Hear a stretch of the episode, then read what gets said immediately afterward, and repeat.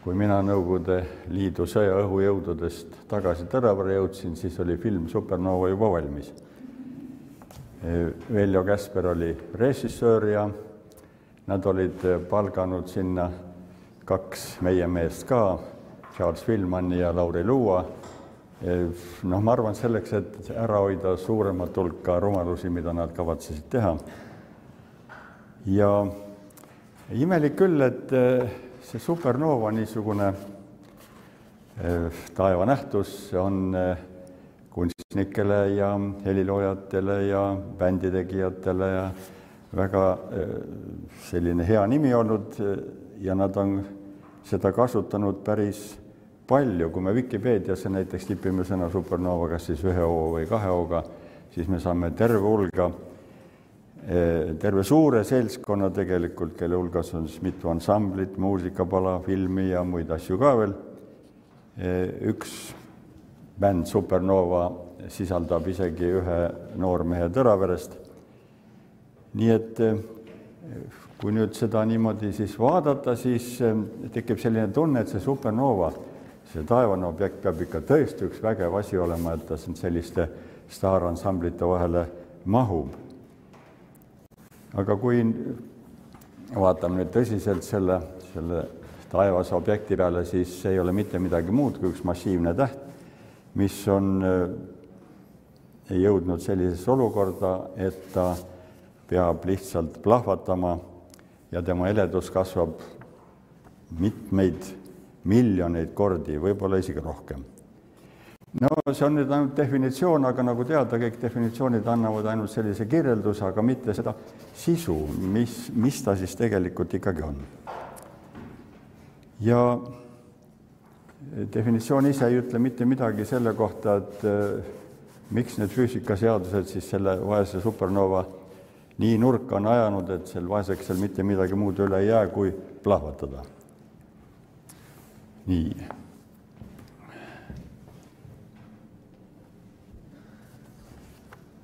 siin te näete ühte sellist objekti, mille kohta ma olen kirjutanud, kohe plahvatab, see kohe tähendab seda, et, et noh, kümnest tuhandest kuni miljoni aastani astronoomid kasutavad selliseid kummalisi termineid kaunis sageli. nüüd selleks, et kuulajaid rahustada, ütlen ma kohe, et päike plahvatada ei kavatse. võib-olla ta tahakski, kui ta näeb, mis siin maa peal toimub, aga vaesekesel jääb massi liiga väheseks, nii et, nii et, nii et midagi ei aita, päike siiski plahvata. no nüüd proovime kirjeldada natuke lähemalt, mis asi see supernova on, lühidalt ma juba ütlesin, aga see oli liiga lühidalt. kõigepealt, kust see nimi, supernova? ristiisadeks on kaks meest. Need olid siis tuhande üheksasaja kolmekümne esimesel aastal kaks astronoomi, üks oli sakslane Walter Bade ja teine oli Ungari päritolu šveitslane Fritz Zwicky, kes eh, oli samuti oma, tähendab oma sõprade ja kõikide teiste astronoomide hulgas tuntud eh, oma plahvatava iseloomu poolest, sellepärast sobis ta nagu ristiisaks küll. ja ta oli niisugune huvitav kuju, et talle ebameeldivaid inimesi nimetas ta sfäärilisteks värdjateks. ja, ja ja kui tema käest küsiti, et miks sfäärilisteks, siis ta vastas, et sfäär on selline keha, et ükskõik, mis nurga all seda ta vaatad, ta on ikka ühesugune. Need eh, kaks meest siis, Paade ja Sviki, pidasid loenguid Caltechis, eh, eh, siin ei maksa sega, segi ajada TalTechiga sõber Aaviksoo arvas vist, et ühe korraga saab sellest vanast tipist eh, moodsa eh, õppeasutuse TalTechi, no võib-olla ka. no nova tähendab, eks ole, ladina keeles uut. ja super annab ülivõrde. super, seda eh, terminit me kuuleme ju kohe, kui me raadio lahti teeme või, või televiisori lahti teeme või ajalehtedest saab lugeda, et näiteks, näiteks supertoit, kümme kilo ööpäevas kaalust maha. palja silmaga on viimase tuhande aasta sees nähtud vaid kolme supernovat meie linnude ees, aga teistes galaktikates palju rohkem. ja esimese linnude välise supernoova avastas muide siinsamas Tartus üks mees, kelle nimi oli Karl Ernst Albrecht Hartwig, tema oli vaatleja tollal Tähetornis, see oli tuhande kaheksasaja kaheksakümne viiendal aastal ja see süttis meie naabergalaktikas Andromedas. nii, aga viimane linnude hele supernova paistis meile tuhande kuuesaja neljandal aastal, nagu näete, sellest on juba tohutu palju aega möödas ja seda vaatles ka omal ajal Johannes Kepler. nii, supernovad on kuulsad selle poolest, et nad, vot see on nüüd see jäänus, mis jäi siis sellest supernovast järele pärast seda hirmsat plahvatust, mis meieni siis tuli, jõudis, tähendab, valgus jõudis siis tuhande kuuesaja neljandal aastal. no siit on näha, et see peab olema, see objekt palju suurem, kui ta alguses oli ja õige ka, sest kui nad plahvatavad, siis nad viskavad välja ainet tohutu suure kiirusega, neid kuni kolmkümmend tuhat kilomeetrit sekundis ja see tekitab siis ümbritsevas keskkonnas, tähtedevaheline keskkond pole kunagi päris tühi, ta on küll õudselt hõre, aga ainet seal ikkagi on. lõppude lõpuks meiegi tekkis, tekkisime kunagi sellest väik-, interstellaarsest nii-öelda keskkonnast. ja see välja visatud aine tekitab siis lööklaine ümbritsevas keskkonnas ja lõpuks kogu see aine muutub selliseks mm, taevakehaks, mida nimetatakse planetaarseks udukoguks. udu pole seal muidugi eriti midagi, aga kuna ta, kuna esialg, tähendab, need esimesed teleskoobid olid kaunis kehva kvaliteediga, siis kõik objektid, mille, mida nendega vaadata sai, olid sellised udukujulised või udukogud, nii et siis pandigi see nimi udukogu paljudele asjadele, mis udukogud kaugeltki ei ole. sellise kohutava plahvatuse tulemusena tähest endast jääb järele kas siis neutrontäht kui, kui hästi läheb, siis räägime võib-olla sellest neutrontähest edaspidi, mis see niisugune on. või siis jääb järele must auk. vot must auk on ka selline objekt, millest ka saab rääkida muidugi. nii et siis sellisel plahvataval viisil supernovad rikastavad inter-, interstellaarset keskkonda raskete elementidega ja astronoomid armastavad rääkida, et äh, igas inimeses on vähemalt üks aatom, mis on läbi käinud sellisest äh, supernova õudusest. ja aga tõenäoliselt palju rohkemgi veel. nii et võiks, võime nagu olla isegi natuke nagu uhked. ka võib juhtuda niisugune asi, et see sinane supernova plahvatus annab nagu algtõuke lähedal asuvatele suurtele udukogudele ja seal algab siis täheteke. samuti nagu arvatakse, toimus kunagi väga-väga ammu, neliteist pool miljardit aastat tagasi ka siin meie päiksesüsteemi puhul. tänapäeval astronoomid arvavad, et neid äh, supernoovasid võivad põhjustada kaks protsessi. see on siis väga järsk termotuumaprotsesside uuesti süttimine kõdunud tähes, mis see kõdunud tähendab, sellest tuleb ka natukese aja pärast juttu või siis massiivse tähetuuma äkiline kokkukukkumine või ehk, või seda nimetatakse ka muidugi kollapsiks. esimene protsess võib toimuda kaksiktähes, kus, kus üks täht on valge kääbus ja teine punane hiid. valge kääbuse aine on kõdunud. ma rõhutan veel kord, et see, mida see kõdunud tähendab, sellest tuleb natukese pärast juttu. ja pealegi siis kääbus tirib paha aimamatu punase hiiu ainet röövelikult endale kui nüüd äh, lähtuda marksistlikust astrofüüsikast, siis loomulikult teisiti ei saagi olla, eks ole. ja mistõttu see kääbus rikastab endast vesinikuga ja tema tuumatemperatuur tõuseb nii palju, et ta, temas algavad uuesti termotuumareaktsioonid, sest valges kääbuses äh, termotuumareaktsioone üldiselt ei toimu. ja siis lõpuks tulebki see kohutav plahvatus. nii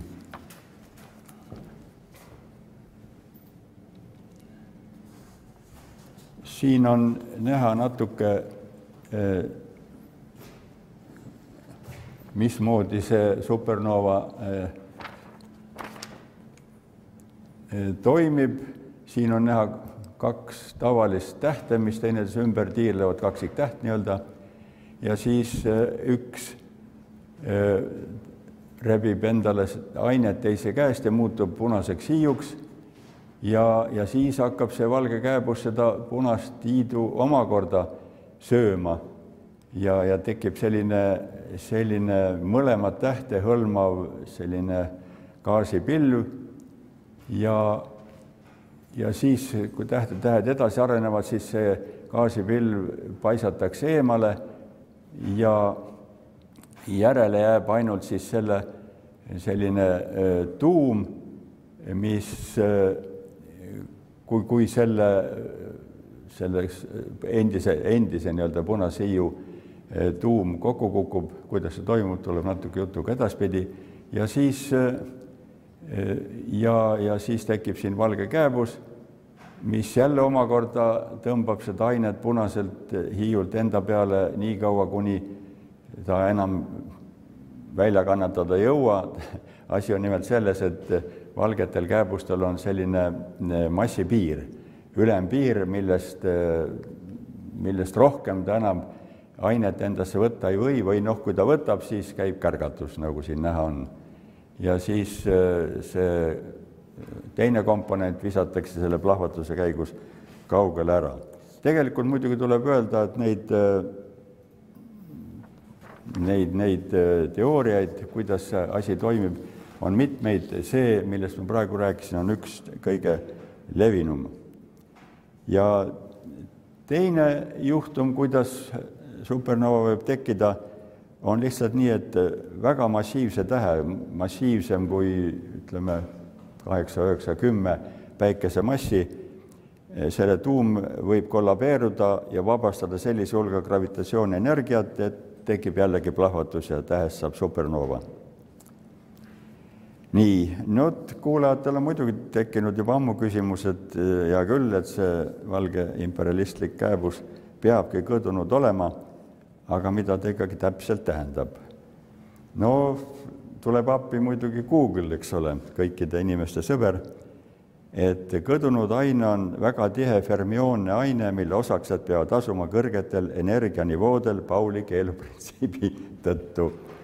no nagu te näete, selles definitsioonis tuleb uusi termineid juurde, mis omakorda nõuavad defineerimist. mis asi on see fermioonne aine ja mis asi on Pauli keeluprintsiip fermionaine on selline aine, mis koosneb poolarvulisest spinnikosakestest, nagu näiteks elektronid, neutronid, prootonid, see, millest tavaliselt aatomid koosnevad. ja see spinn, poolarvuline spinn, spinn iseloomustab tegelikult osaks impulssmomenti ehk tegelikult siis tema pöörlemist, või õigemini selle pöörlemise vektori projektsiooni, aga ja Pauli keeluprintsiip väidab, et ühel ja samal energiatasemel saab olla vaid üks poolarvulise spinniga osakest. teist osakest enda kõrvale mitte mingil juhul ei lase ja see peab kolima kõrgemale nivoole, energianivoole, tähendab, osakesed muidugi on nagu inimesedki, eks ole, laisad, nemad tahavad olla ikka kõige madalamal energianivool. ja, ja üles lähevad ainult siis, kui enam muidu läbi ei saa nii et siis kaks meest, kahe mehe nimed tulid siia käi-, käiku meil, Fermi ja Pauli.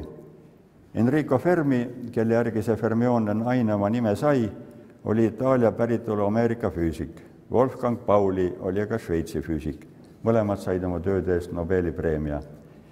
mõlemad olid muidugi ka tõelised äh, teoreetikud, sest Fermi, äh, kui ta läks Ameerikasse tööle, siis ta asus kohe Chicago ülikooli, Chicago teatavasti aga ei ole mitte kõige soojem koht ja kui talv tuli, siis naine ütles talle, et kas me ei peaks panema topeltaknad ette. Erm aga ei viitsinud teha, istus laua taha ja hakkas kohe rehkendama. Ja rehkendas ja ütles, et ei ole vaja, saab ilma hakkama, nii külmaks asi ei lähe. aga kui talvel nad mõlemad lõdisema hakkasid, siis igaks juhuks kontrollis Verme oma rehkendusi ja ta oli teinud kümnekordse vea ja Pauli kohta räägitakse seda juttu, et kui tema ükskord läks Šveitsis, või oli see Saksamaal, ma ei mäleta täpselt, eh, füüsikainstituudist mööda, kus parasjagu toimus mingisugune väga tõsine katse, siis see katse läks untsu. ja mehed pärast hakkasid uurima, milles asi on, siis kõik paistis nagu korras olevat ja lõpuks said nad siis, jõudsid Helgedele. Paul ei ole läinud sellest instituudist mööda raudteejaama poole. sellest piisas, et katse nässu läks. nii, nüüd siis see oli see teine juhus, kui, kui siis see massiivne täht, näete, see massiivne täht on siin. Miks ta niisugune kummaline kihiline on, ma just eelmine kord juba natukene rääkisin, aga asi on selles, et siin keskel on siis kas, kui see täht on juba selliseks kihiliseks muutunud, siis keskel on siin rauas tuum ja selle, selle ümber siis aina niisugune väiksema aatomkaaluga ained, kuni lõpuks välja vesinikuni, mis siis kõik, kõik need ained võib, võib olla niimoodi isegi, et kõikides nendes ainetes toimuvad need termotuumareaktsioonid, täht muutub selliseks eh, kihi või tähendab noh, nagu, nagu Peipsi kandi sibul. ja, ja siin siis on näha, kuidas need protsessid toimuvad, järsku see tuum kukub keskel kokku, ta kukub kokku nii suure kiirusega, et need väliskihid ei saa üldse arugi, et all enam mitte midagi ei ole nemad veel hõljuvad ikkagi teadmatuses, aga siis lõpuks jõuab see teadmine nendeni ka ja nemad hakkavad samuti kukkuma siis kokku.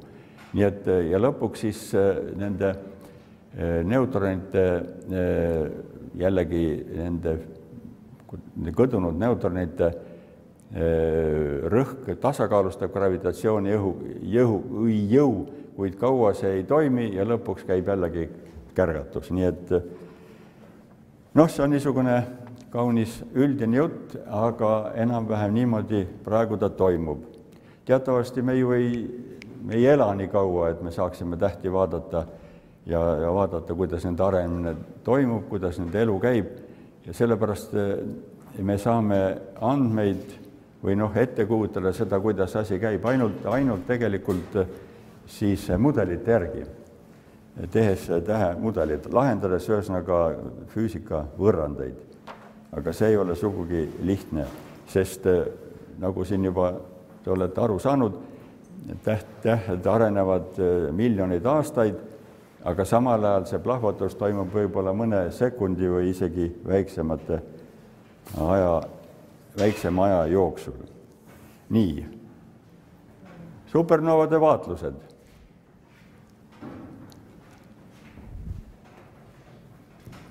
üks esimesi kirjapanekuid supernovadest on, oli aastal sada kaheksakümmend viis meie kalendri järgi. see oli Zhongpingi epohh Hiinas, kui astronoomid nägid Alfa Centauri lähedal niinimetatud külalistähte. näete, see kollane jutt seal on kõik külalistähest. Mina sellest küll aru ei saa, aga noh, ma igaks juhuks ütlen teile. vaatlejate nimesid teada ei ole ja kuigi nad selle külaliste ilmumise magasid maha ja seda ennustada ei suutnud, siis jättis keiser neile siiski pead alles. keiser Chung-Kang, küll nii hea ei olnud omal ajal, laskis oma astronoomidel Hiil ja Hool pead maha raiuda, sest päikesevarjutuse eest hoiatamise asemel hakkasid nad kahekesi hoopis purjutama. kogu see sündmus pandi kirja siis sellesse hilisema Hanni aja raamatusse kõige heledamat supernovat nähti aastal tuhat kuus ja selle sündmuse panid kirja paljude maade vaatlejad. samuti oli palju vaatlejaid ka supernovalt tuhat viiskümmend neli. no seda siis nähti, eks ole, aastal tuhat viiskümmend neli ja sellest järele Krabi udukogu sõnni tähtkujus koos pulsariga. mis see pulsar on, siis te peate kutsuma mind teinekord rääkima, mis, mis see pulsar on. aga ta on ühesõnaga kiiresti pöörlev neutrontäht, mis annab siis selliseid impulsse seal mõne sekundi või mõnede mikrosekundite jooksul. nii, vaat seesama ongi, siis nimetatakse krabi tähtkujuks, kust otsast ta krabi meenutab, mina aru ei saa, aga võib-olla mõned inimesed on parema fantaasiaga. Vaat siin keskel kusagil ongi siis see Äh, pulsar, kiiresti pöörlev neutrontäht ja, ja tema kaudu on saadud jälile või selle krabi udukogu vaatlemise kaudu on saadud, saanud, saadud jälile väga paljudele saladustele astronoomias. nii, kaks viimast linnutee supernoovat olid siis tuhande viiesaja seitsmekümne teisel aastal ja tuhande kuuesaja neljandal aastal. Nende mõr-, mõju oli tegelikult Euroopa astronoomiale tohutu, sest nende abil lükati ümber see Aristotelese idee, et universum, Kuu ja planeetide taga on täiesti staatiline, seal mitte mingisuguseid muutusi ei toimu, järsku süttis seal täht. no selge see, et Aristotelese idee ei olnud õige. sedasama tuhande viiesaja seitsmekümne teise aasta Cassiopeia tähtkujus puh-, plahvatanud supernoovat vaatles ka Tycho Brahe ja see oli väga oluline etapp eh, tema astronoomiks saamise puhul. ja teist seda eh, supernovat tuhande kuuesaja neljandal aastal maokandja tähtkujus vaatles pikalt Johannes Kepler kuni umbes aasta pärast muutus siis see täht uuesti jälle silmale nähtamatuks, nii nagu ta enne seda plahvatamist oli olnud. Muide, maokandja tähtkuju on huvitav selle poolest, et tema on kolmeteistkümnes sodjaagi tähtkuju, mida need horoskoopide tegijad ära on põlanud. seda arvesse üldse ei võeta.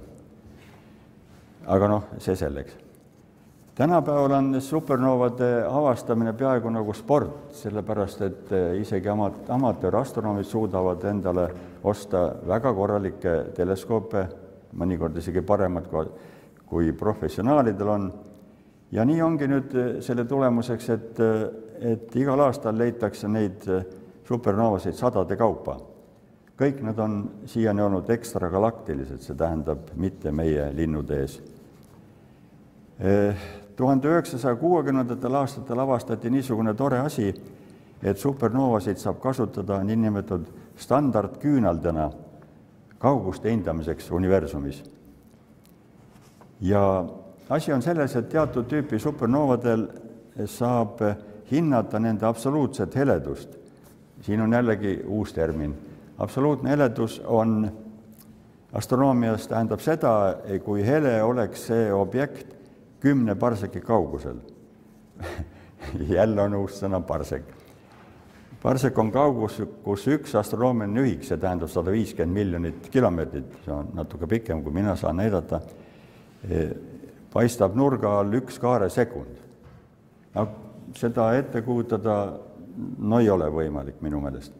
aga, aga võib-olla seda me saame siiski ette kujutada, et nurga üks kaaresekund all paistab ühesendine münt umbes kahesaja kilomeetri kauguselt. et kui Tallinnas keegi hoiab seda ühesendilist münti käes ja meie vaatame seda siis me näeme seda, tegelikult ei näe küll, aga, aga see nurk oleks siis üks kaaresekund. Nonii, siiani kõige heledam supernova on sellise jubeda nimega nagu Assassin või mõrvar, viisteist LH mille avastas kahekümnest automaatteleskoobist koosnev süsteem kahe tuhande viieteistkümnendal aastal, alles neli aastat tagasi, lõunapoolkeral indiaanlase tähtkujus. selle supernova maksimaalne heledus oli viissada seitsekümmend miljardit korda suurem kui meie päikesel. Siin hakkab juba kergelt hirm, sellepärast et kui ta siin kusagil lähedal plahvataks, mis siis meist saab no tõsi küll, selle viiesaja seitsmekümne miljardi pärast praegu veel isegi vaieldakse, et äkki ikka nii suur ei olnud. paha lugu on muidugi see, et me ei suuda ennustada nende supernoovade plahvatamise aega. me saame alles siis teada, kui ta heledaks läheb, aga parem oleks, kui me saaksime ta isegi natuke varem juba eh, vaadeldud. ja see on nüüd jah, niisugune pahandav asi, aga, aga siin esialgu midagi eh, palju öelda ei saa, tõsi, natukene siiski saame, nagu hiljem selgub. amatöörastronoomide arv on suur, nagu ma ütlesin, ja on lastud käiku ka näiteks automaatteleskoobid koos CCD kiirgusvastuvõtjatega, on olemas näiteks Katzmanni automaatne kujutiste teleskoop San Jose lähedal Californias ja on loodud niisugune Mm, asi nagu supernova, supernova early warning system, sama nagu raketirünnaku puhulgi. ja see kujutab endast neutriinoteleskoopide võrgustikku. asi on selles, et teist tüüpi supernovas on, eh, kõigepealt jõuavad meieni neutriinod, nad ei tule mitte kiiremini, neid hakatakse varem välja paiskama, sest see kui see täht kokku kukub siis, siis üheksakümmend üheksa protsenti sellest kokkukukkumise energiast muudetakse tegelikult neutriinodeks. no neutriinid on sellised osakesed, mis liiguvad peaaegu valguse kiirusega, igas sekundis meist läheb läbi neid miljonite kaupa, nad lähevad läbi isegi maast, ilma et nad tähele paneksid, et maa üldse ees on.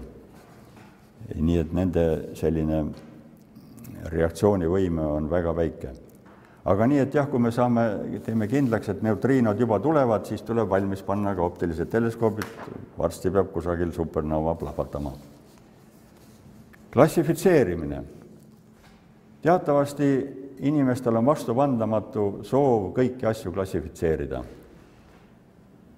ja tüüp näiteks on siin lugu siis kuulsast rootslasest Karl Linneest kui ta oli valmis saanud oma loomad ja taimed, eriti taimede klassifikatsiooni ja tema naist eh, Saara Elizabethi kodus ei olnud, siis ta tahtis midagi sealt kummutist võtta ja kohkus, sellepärast et pesuesemed seal ei olnud üldse klassifitseeritud nii, nagu tema oli taimi klassifitseerinud. Eh, nimelt eh, talle ei meeldinud üldse, et sama liiki esemed on eraldi suhvluaigastes mis õigusega? seega särgid kokku, aluspesu samad artiklid kokku ja nii edasi. kahjuks ta selle tööga lõpuni jõudnud, sest Sara Elizabeth oli koju. tekkis kerge sõnavahetus ja Sara Elizabeth taastas iseenda klassifikatsiooni. Pole siis ju mingi ime, et supernovad on samuti klassifitseeritud see on nend-, selle aluseks, selle klassifitseerimise aluseks on nende heleduskõverad, see tähendab, kuidas see nende heledus muutub aja jooksul. ja nendes spektrites esinevad neeldumisjooned. nüüd ma olen juba mitu joonist maha jäänud, aga ei, polegi nii hull. nagu te näete, siin on need, siis seda SN, see tähendab supernova, ei, sinna peale pole mõtet näidata.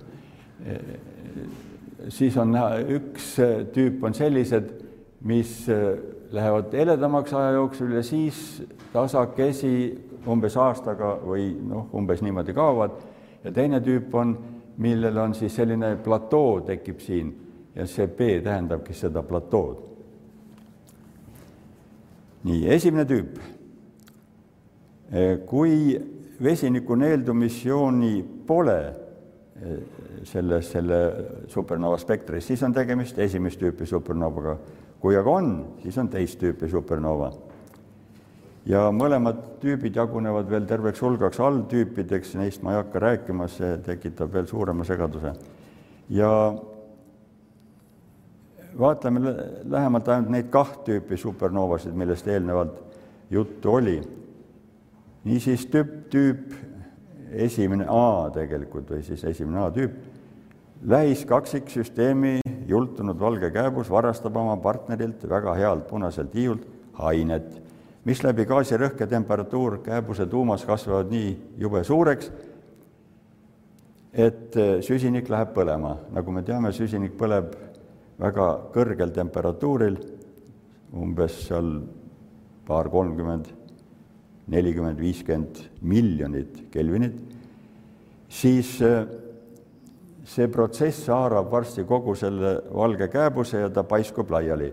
vaat siin on niimoodi, et Eesti rahvas on, eks ole, astronoomia rahvas eluaeg olnud ja nemad on tabanud ära, et selline asi peab taevas tingimata toimuma ja nad kirjeldavad seda tuntud vanasõnaga suur tükk ajab suu lõhki.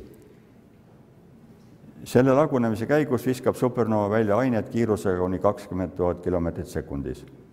supernova heledus kasvab tavaliselt võib saavutada see kuni viis miljardit korda suurema heledusega päikesel, seda ma olen juba täna paar korda öelnud. ja nende, tähendab seda esimest A-tüüpi supernoovade eh, heleduskõver on väga karakteristlik, sest eh, seal annab selle sellise platoo, nagu siin annab siis nikkel viiekümne kuue radioaktiivne lagunemine algul siis koobalt viiekümne kuueks ja pärast raud viiekümne kuueks ja raud viiskümmend kuus on siis igasuguste tuumareaktsioonide lõpp-produkt, sest äh, rauaatomeid enam kui vesinikuaatomeid me kokku suu-, suudame viia, siis vabaneb energia, aga, aga rauaatomeid me saame ainult sundida kokku minema, kasutades suurt energiat. nii, teine tüüp, väga massiivsed tähed massiga üheksa kuni kaksteist päikesemassi enamasti nad evolutsioneeruvad niimoodi, et alguses põleb tähe tsentris vesinik, tekib heelium, heeliumi tuum kasvab, vot nüüd on seesama sibula jutt, eks ole. temperatuur samuti kasvab ja tuumapealses kihis põleb endiselt vesinik heeliumiks. kuid temperatuuri kasvu tõttu hakkab tuumas põlema heelium süsinikuks, nii et tekib nagu kaks sellist kihti seega näeb olukord välja nii, et tuumas põleb süsinik, tuuma ümber olevas kihis põleb heelium ja heeliumkihi ümbritsevas kihis põleb vesinik. lõpuks ongi see täht siis nagu sibul, mille keskel on massiivsematel tähtedel rauas tuum, aga vähe massiivsemad sinna rauani ei jõuagi välja ja nemad peavad leppima siis hapnik, neoon või magneesiumi tuumaga. nii, see tuumareaktsioonidega saadav energia lõpuks väheneb ja tuum hakkab raskusjõu mõjul kokku tõmbuma kuni kõdunud elektronide rõhk tähe tasakaalustab. kõdunud olid nad siis sellepärast, et äh, need elektronid ei lubanud samale energiatasemele teist samasugust osakest enda kõrvale, vaid suunasid ta siis kõrgematele energianivoodele. ja kui tuumamass ületab nii-öelda Chandrasekhari massi, üks koma neli päikesemassi, muide, Chandrasekhar tuletas selle arvu üks koma neli siis, kui ta sõitis Indiast, eh, kui ta oli eh, lõpetanud ülikooli, eh, seal siis ta sõitis Inglismaale edasiõppimiseks, doktoriks, et doktoriks saada ja laeva peal, laevaga ta sõitis ja laev tuleb ju kohutavalt kaua Indiast, ta ei tulnudki Inglismaale, vaid Itaaliasse aega oli palju ja tal polnud midagi head teha, ta võttis oma kaasa toodud raamatud ja tuletas siis sellesama arvu üks koma neli või üks koma nelikümmend neli, mõnikord kirjutatakse, ja läks sellega kuulsa astrofüüsiku Eddingtoni juurde ja Eddington ütles, et niisugune asi ei ole võimalik. aga tegelikult ikkagi oli küll, nii et Chandra Karel oli õigus. ja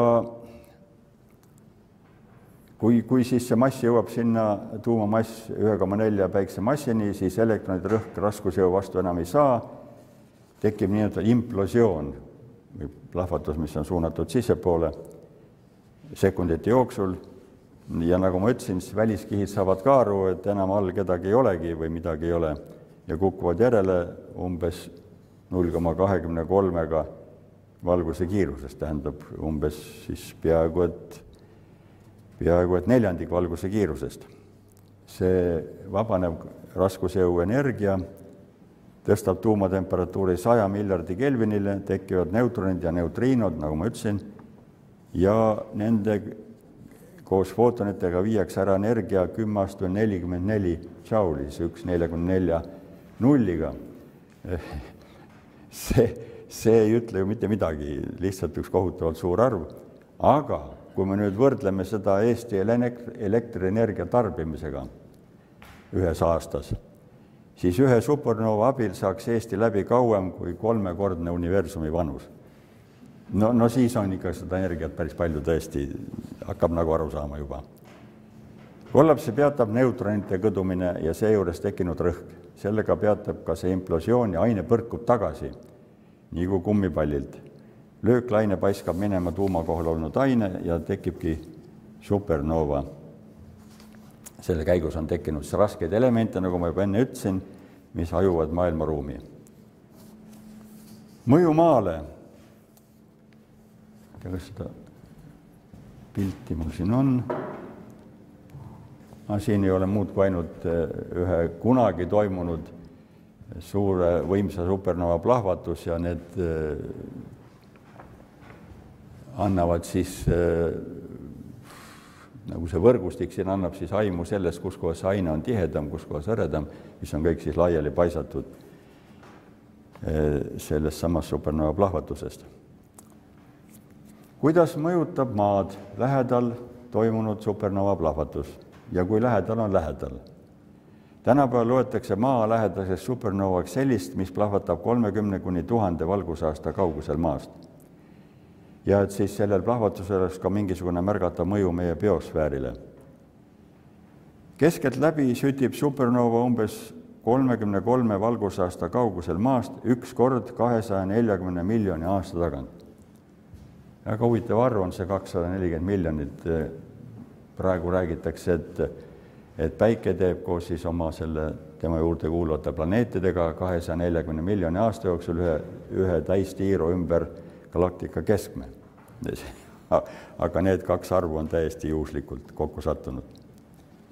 nii et kui siis supernova nii lähedal sütib, siis võib juhtuda, et maani jõuab muidugi tohutu hulk gammakiiri, no neutro-, neutriinod ei tee küll midagi, aga need gammakiired lõhuvad lämmastikumolekulid lämmastikuoksiidideks ja need omakorda lõhuvad ka osoonikihi. nii et siis päikese surmav ultraviolettkiirgus pääseb maale, põhilise löögis pidavad saama fütoplankton ja samuti korallrihvid nii et eh, mereline toiduahel katkeb, mis endaga kaasa toob, see, seda peab vist igaüks ise arvama. risk. milline siiski selline, see risk on, et eh, kusagil lähedal võib selline supernova plahvatada? Arvatakse, et järgneva tuhande aasta sees plahvatab meie ümber need tuttavad heledad tähed mõnesaja valgusaasta kaugusel, et need plahvatavad supernoovadena. kindlasti on neid muidugi väga uhke vaadata, kui keegi vaatamas on, aga midagi hullu nad maale ei tee. kui aga supernova plahvatab lähemal kui kakskümmend kuus valgusaastat, siis laguneb vähemalt pool osoonikihti. Ja on hinnatud, et kolmekümne kolme valgusaasta raadiuses me saaksime kahe miljoni aasta jooksul ühe kuni kakskümmend supernoovat no see natukene nagu rahustab, sest kaks miljonit on ikka väga pikk aeg küll. arvatakse, et selline plahvatus hävitaks ligi kuuskümmend protsenti kogu maa mereelust, hävitas juba eh, ordoviitsiumi siluri perioodil. aga isegi saja valgusaasta kaugusel süttinud supernova võib meid mõjutada, sest see gamma ja röntgenkiirte hulk võib põhjustada mitmeid mutatsioone nii meie kui teiste elusolendite geenides ja kaugeltki mitte kõik mutatsioonid ei ole inimesele ja siis ka vastavalt nendele loomadele kasulikud. potentsiaalselt on kõige ohtlikumad need üks A tüüpi supernovad, sest nad tekivad tavaliselt väga väikese heledusega valgetest kääbustest ja neid ei oska me isegi karta ja supernova süttib järelikult ootamatult. no ma ei tea, mis seal enam palju teha annakski, kui ta süttib. aga noh, mine sa tea. kõige lähem selline supernova kandidaat on IK Pegasi saja viiekümne valgusaasta kaugusel.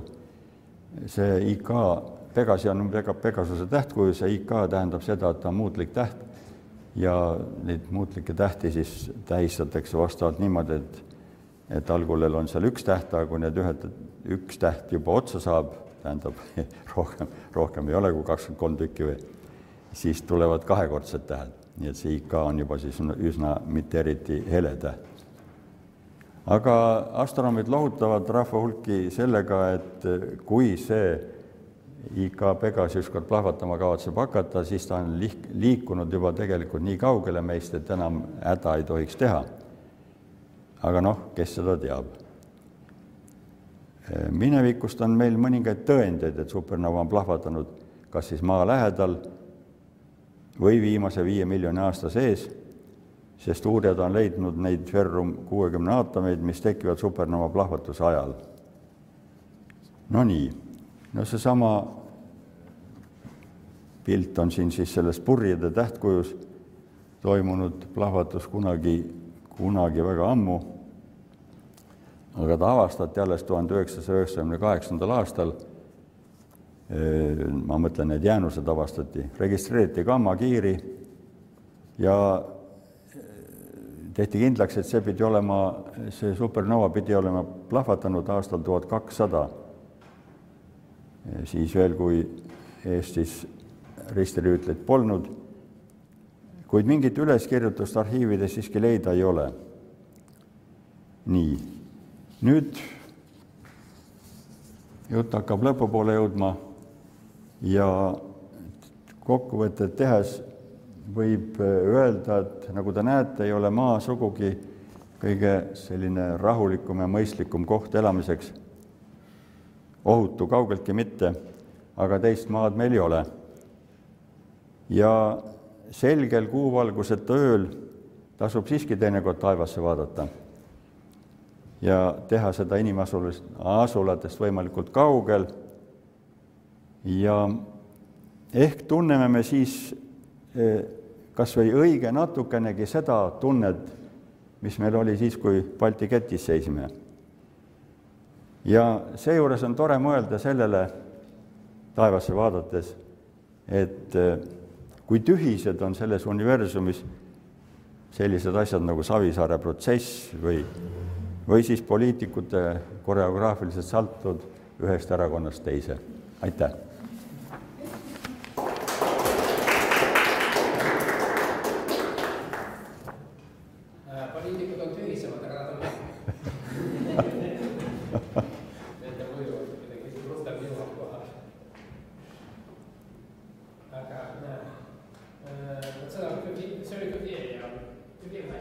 kuidas? kes see klassifitseeris, kas Cuvier?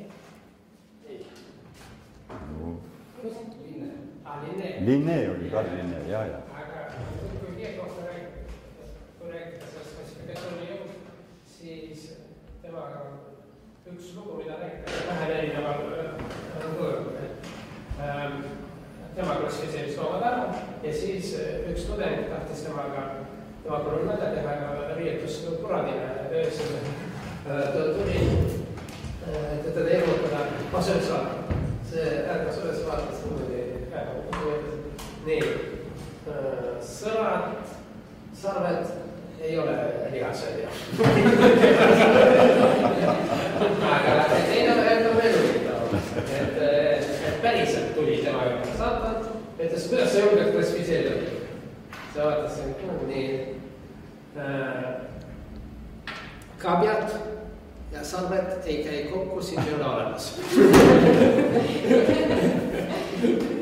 et see, et olemas on ainult see, mida me oskame klassifitseerida.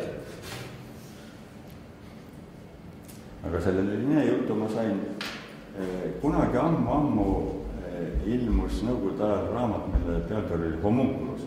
see oli mingis, mingis sellises sarjas ja seal on terve hulk lugusid kuulsatest inimestest ja, ja, ja väga toredad lood, ma pean ütlema, nagu see Linnee oma. Need on hästi-hästi toredad. Seal oli näiteks Cuvier'st oli juttu, kui nad mõtlesid välja, oli see Buffon, ma ei mäleta, mõtlesid välja selle loomade klassifitseerimise, jällegi klassifitseerimise meetodi ja, ja siis läksid läksid tänavale ja võtsid seal kõige esimesel mehel, kes seal tuli mööda rinnust kinni ja tassisid nad sinnasamasse hoonesse, aga see oli mingi, mingi, mingi, mingi meditsiiniinstituut, nii et see mees kartis kohutavalt, et nüüd hakkavad kohe lõikuma, eks ole. Aga vastupidi, talle pandi see süsteem nina alla, anti paar-kolm luud kätte ja ütles, määra ära, ühesõnaga, mis, mis loom see on. ja mees tuli sellega kümne minuti jooksul toime, sest süsteem oli niivõrd lihtne ja hästi läbi mõeldud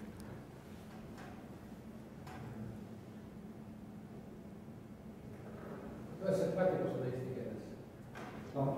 jaa, vot selle nokklooga oli pärast probleemid hakanud. ja, ja Platorõnkus. Vot selle maa mittemugava positsiooni kohta selles universumis. aeg-ajalt on nagu erinevad. kui ma vaatan sealt teaduse ajalugu, John Alan no üks paljudest ja kõik on seal, universum on täis planeete seal. aga mõnikord on jälle astrofüüsikud tulnud sellise ideega, et maa on absoluutselt unikaalne teha universumis. jaa, on ka nii mõeldud, jah. Et võib-olla, võib-olla ongi hea koht teha. aga samas jällegi, vot see androop, androopsuse printsiip, eks ole, et et eh, universum on loodud just selliseks, et inimene siin elada saaks. sellepärast kõik need füüsika koefitsiendid on valitud just täpselt nii, oleksid natuke teistmoodi, kõik, meid ei oleks. aga, aga just, just nii et see vihjab või viitab nagu sellele, et peab olema mingisugune kõrgem jõud kusagil, kes sellega tegeleb. no üldse füüsikud ei armasta sellist interpretatsiooni.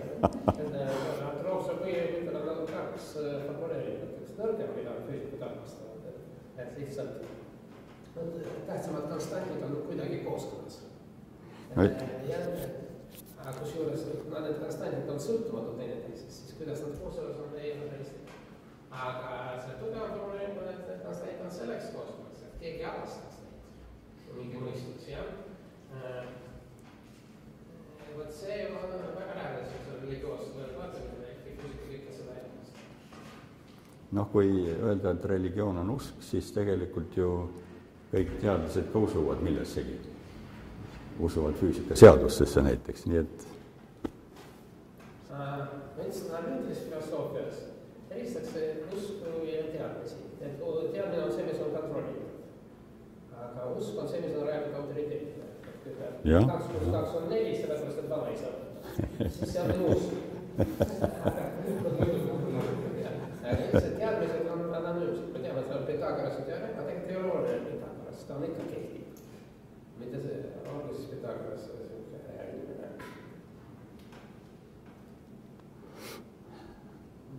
nii, kui rohkem ei ole midagi, siis me täname. よ